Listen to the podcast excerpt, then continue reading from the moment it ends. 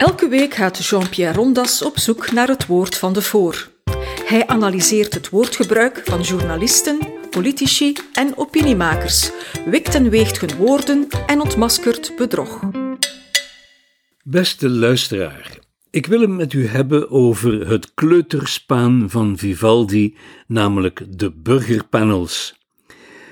Staat alles wat de Vivaldi-regering doet of zegt of nalaat en verzwijgt, staat dat alles in het teken van corona? Het antwoord is geen sinds. Alles wat deze regering doet, zegt, nalaat en verzwijgt over corona, staat in het teken van de verkiezingen van 2024. Die fameuze club van 11 miljoen die corona zou verslaan, was bedoeld als een club van 11 miljoen Belgicisten die België zouden redden. Niet van corona, maar van de Vlaamse separatisten die in 2024 gruwelijk zullen winnen. Dat staat als een paal boven water. Maar dat ziet zelfs een positivo als Alexander de Croo in. Zo'n tricolore campagne volstaat natuurlijk niet. Weet je wat? Laten we er het volk bij betrekken. Ask the boy, zei Baden-Powell. Vraag het aan de burger, zei Alexander de Pip. Met ordinaire verkiezingen waar slechts 10% partijtjes uit voortkomen, horen we de echte stem van de kiezer niet. We leven tenslotte in een dictatuur van verkiezingen, waar telkens de verkeerde partijen winnen. Daarom gaan we die 19e-eeuwse vorm van democratie vervangen door panels met uitgeloten burgers, of zoals men het ook noemt, de ouderwetse representatieve democratie vervangen door een deliberatieve, overleggende democratie. Het is zelfs hoog tijd, want al voor de coronacrisis was nogmaals aangetoond dat het Belgische model niet meer werkt. Twee keer 500 en meer dagen regeringsloosheid, zo kon het niet meer verder. Het gekrakeel moet stoppen, dat krakelde niet alleen Gwendolyn Rutten, maar het verzamelde krantencommentariaat waarmee men bedoelde dat de Belgische structuur eens en voor altijd een definitieve vorm moest krijgen, alleen toch voor twintig jaar. En daarmee bedoelde men dan weer dat de Vlamingen en de Flaminganten er zich een gedacht moesten van maken, Johan van der Lanotte, en dat ze de baarddoctrine moesten opgeven, Bart Sturtewagen.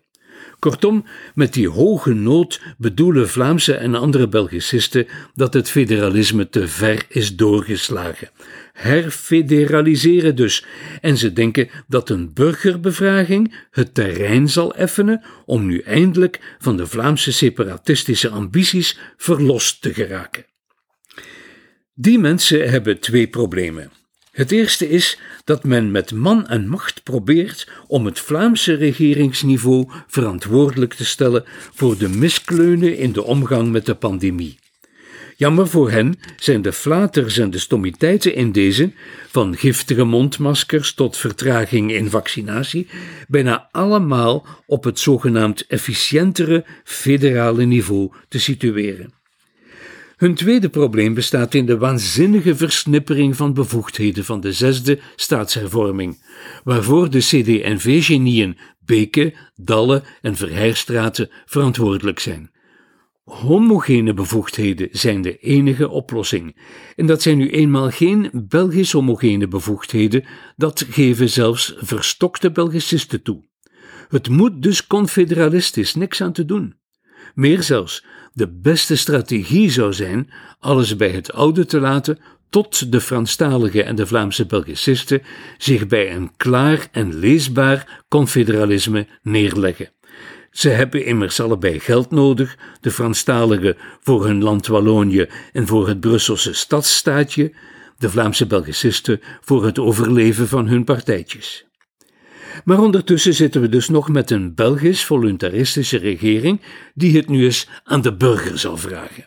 En daar komt de denktank Rebel op het toneel. Rebel is als naam goed gevonden. Ze zijn rebels omdat ze rebelge zijn, omdat ze willen rebelgiseren. In hun naamkeuze zijn ze dus eerlijk geweest, ze komen er vooruit. De trekkers en de boegbeelden van de groep zijn filosoof Philippe van Parijs en econoom Paul de Grauwe, allebei verstandige, sympathieke en eerlijke, zij het, misleide mensen die de staat België willen herstichten. Dat blijkt uit hun onderwerpskeuzes en uit de oplossingen die ze voorstaan. Die gaan nooit of te nimmer in de richting van meer Vlaanderen, altijd naar minder Vlaanderen herfederaliseren, federale kieskring, vier gewesten, Brussels separatisme, alles wat de Vlaamse meerderheid in deze staat kan minoriseren, wordt door hen academisch en wetenschappelijk onderbouwd. En voor het overige zijn ze neutraal. Maar nu wijden ze op maandag 1 maart een virtuele webinar, dat is een seminar op het web, wijden ze dat aan de risico's die de geplande burgerbevraging loopt. Ze zijn bang voor een fiasco van zo'n burgerbevraging. Dus gaan ze in publico nadenken over hoe de valkuilen te vermijden die nu eenmaal inherent zijn aan zo'n burgerforum. De neutraliteit van dit webinar wordt gewaarborgd door de moderatoren Beatrice Delvaux, chef opinie van de Soir, en Karel Verhoeven, hoofdredacteur van de Standaard. De federale ministers van institutionele hervorming en van democratische vernieuwing, David Clarinval en Annelies Verlinde, trappen het spel af en er wordt aandacht besteed aan de Franse Conférence Citoyenne en de Nederlandse klimaattafels. In de standaard van vrijdag 26 maart wijzen Philippe van Parijs en Paul de Grauwe op enkele valkuilen. In Frankrijk en Nederland hebben ze bijvoorbeeld dat taalprobleem niet, dat bij ons de burgers verhindert naar elkaar te luisteren. Dat is immers de fundamentele uitdaging van onze democratie, schrijven ze. Ik persoonlijk denk dat ze dit te eng zien. Het gaat weliswaar over de collectieve Franstalige onwil om het Nederlands in België ernstig te nemen, maar het gaat ook over meer was het maar slechts een linguïstisch probleem, want het echte taalprobleem tussen Frans en Nederlandstaligen gaat over het begrippeninstrumentarium waarmee en waarin over politiek wordt nagedacht. Het is hier dat zich de Belgische geesten scheiden en dat beseffen de Grauwe en Van Parijs ook wel.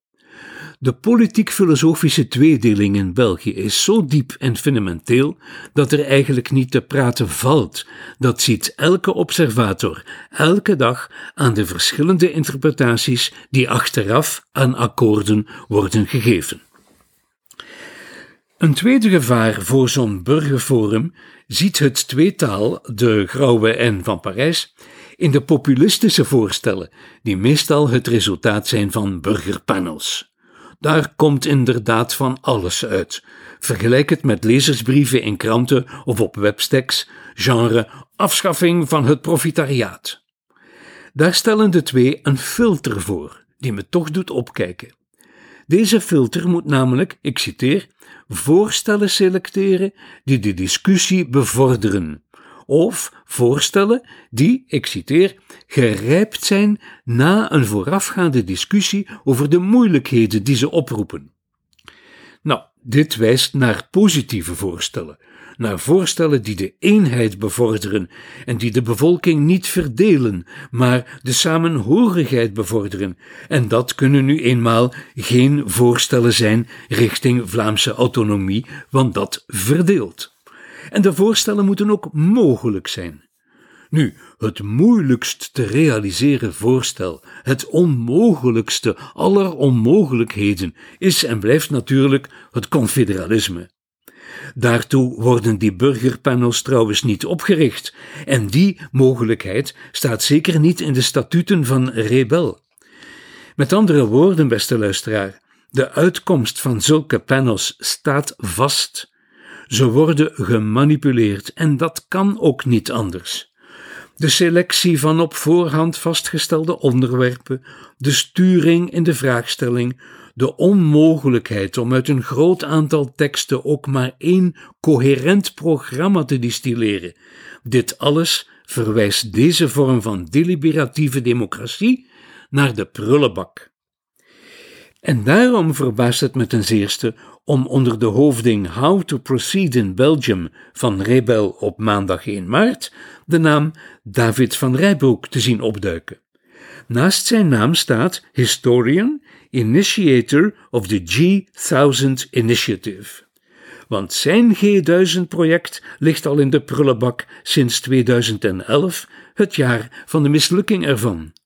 Voor nadere uitleg omtrent dit fiasco, waarvoor Van Parijs en de Grauwe merkwaardig genoeg waarschuwen, verwijs ik naar mijn artikel De G1000 en het democratisch verdriet van België in mijn boek Een kwestie van bestaan Vlaanderen in de wereld. Deze G1000 zou het democratisch deficit van de representatieve democratie centraal op de politieke agenda plaatsen. Tenminste, dat was de ambitie, want dat heeft de G1000 op haar bijeenkomst in Brussel in november 2011 juist niet gedaan. Geen enkele vraagstelling op die dag met de 704 deelnemers ging over democratie. Er werd niet gediscussieerd over de uitschakeling van het parlement in de Belgische en in de Europese democratie. Daarboven wilde de G1000 haar eigen deliberatieve positie niet ter discussie stellen. Ze ging ook voorbij aan het prangendste probleem in de Belgische democratie, namelijk of er een Vlaamse publieke ruimte bestaat. En al helemaal niet ging het over de vraag of het wel correct is om als antwoord op dit een eeuwenoude probleem van het communautaire aan de representatiemodaliteiten te morrelen, in de hoop dat het probleem op die manier minder saillant zou worden. Mij staat het beeld voor ogen van 704 mensen die aan tafeltjes van tien aan het discussiëren zijn over waarover ze nu eens zouden willen discussiëren, terwijl daarbuiten en ondertussen de marktgedreven democratie zijn gang gaat, zonder inspraak, zonder participatie, zonder delegatie, zonder vertegenwoordiging en vooral zonder democratie. Aan het fiasco van de G1000, die nooit een vervolg of besluit heeft gekregen, valt te zien hoe deze deliberatieve democratie veroordeeld is om een verzuip- en versmoordemocratie te worden. Bij ons is dat dus vooral een speeltje geweest van één persoon, David van Rijbroek, die heel goed wist hoe hij zich hiermee in de markt kon zetten. De rammelaar van de deliberatie die geacht wordt de echte volksvertegenwoordiging te vervangen. Ik hoop maar dat dit kleuterspaan geen explosief speelgoed zal blijken te zijn. Dit was een episode van Doorbraak Radio, de podcast van doorbraak.be. Volg onze podcast op doorbraak.be/radio of via Apple Podcasts, Overcast of Spotify. Bezoek ook onze website op doorbraak.be en steun ons door een vriend te worden van Doorbraak.